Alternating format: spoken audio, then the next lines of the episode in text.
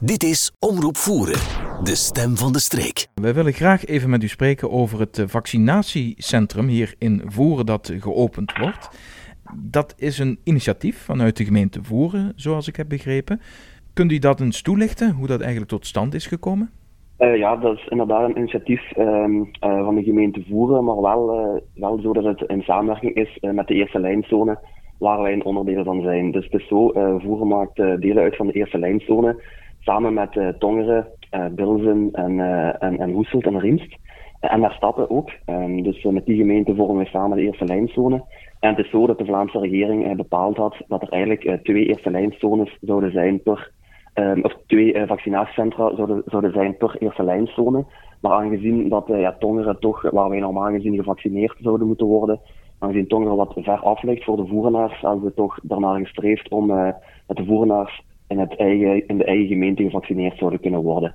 Dus vandaar dat we wel ervoor hadden gepleit um, om eigenlijk mobiele teams vanuit Tongeren naar Voeren te sturen, zodat de, de mensen eigenlijk in de turnzaal aan de provinciale secundaire scholen in Voeren gevaccineerd zouden kunnen worden. We zijn ook zeer blij dat de mensen op die manier wel uh, dichter bij huis gevaccineerd kunnen worden.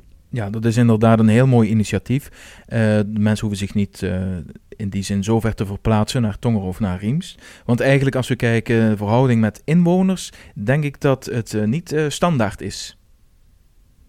nee, nee, dat klopt.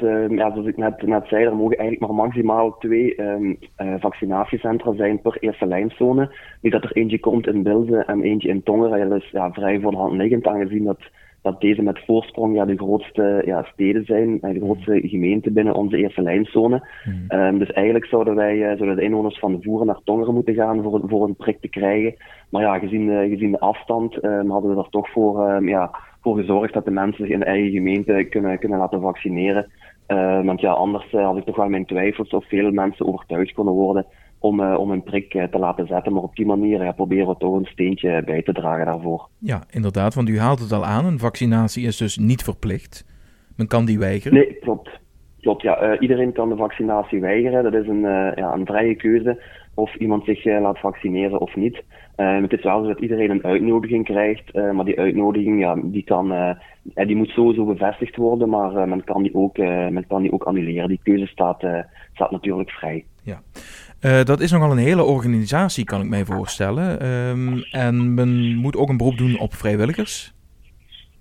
Ja, klopt. We hebben een, eh, een aantal weken geleden een oproep gedaan voor uh, naar vrijwilligers. We hebben eigenlijk redelijk veel aanmeldingen gekregen van mensen die zich eigenlijk ja, vrijwilliger willen stellen om te helpen um, tijdens de vaccinatiemomenten. Dat was voor, onder andere van um, verplegend personeel, maar ook van andere mensen die eigenlijk bereid waren om daar te gaan helpen waar we zeer erg, uh, zeer erg blij mee zijn. Ook mensen die, uh, ja, die, die tweetalig zijn, daar hebben we ook uh, wat naar gekeken. Mensen die zowel goed Frans als Nederlands kunnen, dat is ook zeker en niet onbelangrijk.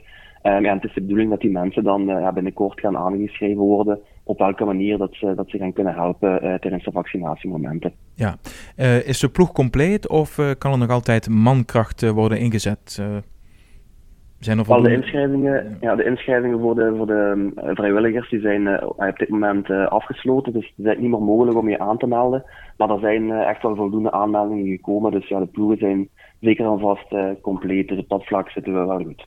Dus dat is, een, dat is al een mooi teken. Dat laat zien dat er heel veel draagvlak is. Hè? Dat u ook vrijwilligers genoeg heeft om dit toch te kunnen realiseren.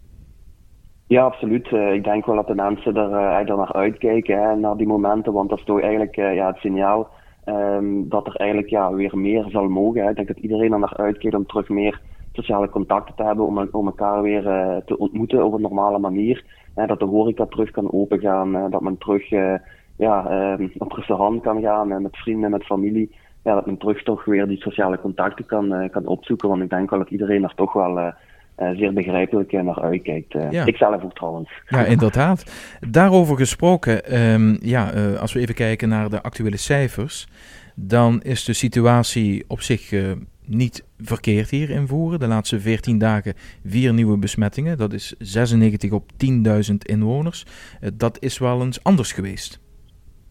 Ja, dat klopt. Eh, eigenlijk de laatste maanden scoren wij eigenlijk redelijk goed uh, wat de cijfers betreft. Er zijn redelijk weinig uh, besmettingen in onze gemeente. Het gaat nog over enkele besmettingen de laatste maanden, dus dat is zeker alvast positief.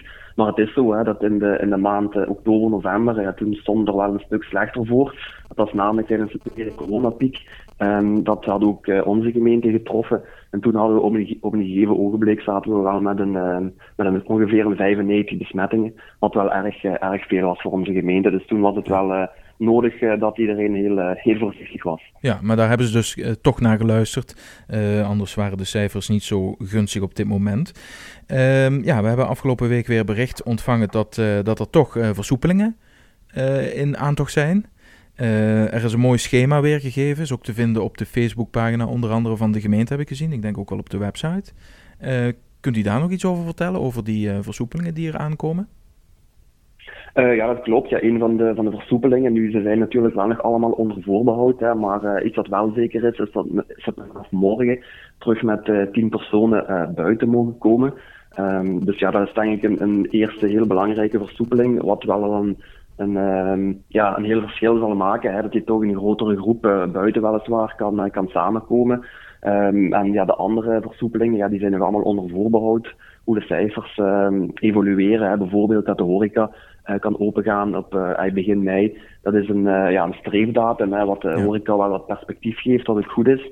Uh, waar de mensen ook zeker vast naar kunnen uitkijken. Maar die, uh, ja, die versoepelingen die waren nog allemaal onder, uh, onder voorbehoud van hoe de cijfers gaan evolueren. Uiteraard. En als we dan even kijken, Voer is een grensgemeente, hè, ook een echte landgrens. Um, normaal was het tot 1 maart eigenlijk dat er dus een verklaring op eer nodig was, maar dat wordt verlengd.